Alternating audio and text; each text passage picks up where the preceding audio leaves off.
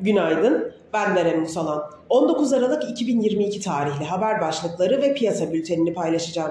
Avrupa Birliği Enerji Bakanları doğalgaz fiyat tavanını görüşmek üzere bugün toplanıyor.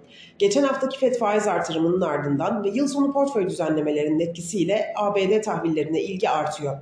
Uluslararası basın kuruluşları iki haftadır resmi olarak COVID-19'a bağlı ölüm açıklamayan Çin'de cenaze evleriyle krematoryumların bu virüs nedeniyle hayatını kaybedenlerle dolup taştığını yazıyor. Kyodo'nun haberine göre Japon hükümeti Japonya Merkez Bankası'nın %2 enflasyon hedefine esneklik getirmesini değerlendiriyor. Küresel borsalar Fed'in geçen haftaki açıklamaları ve Çin'deki Covid ölümleri iddiaları ile düşerken dolar da zayıf bir görünüm sergiliyor.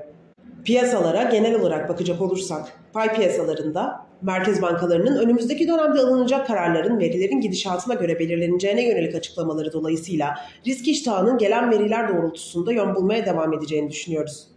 Yurt içinde enflasyonist ortamda Borsa İstanbul'un şu an TL varlıkları içinde tek alternatif yatırım aracı haline gelmesi ve güçlü yurt içi yatırımcı talebi nedeniyle kar satışları yaşansa da sert geri çekilmelerin orta vade için alım fırsatı olarak kullanılacağını düşünüyoruz.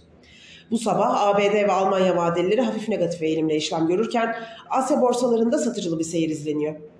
Teknik analiz verilerine bakacak olursak gün içinde 5155 ve altına gerileme alım fırsatı, 5300 ve üzerine düşük hacimli yükselişler ise satış fırsatı olarak takip edilebilir.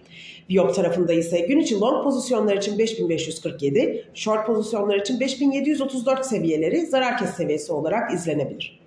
Borsa İstanbul'un ve endeks kontratının güne pozitif bir eğilimle başlamasını bekliyoruz. Kazançlı günler dileriz.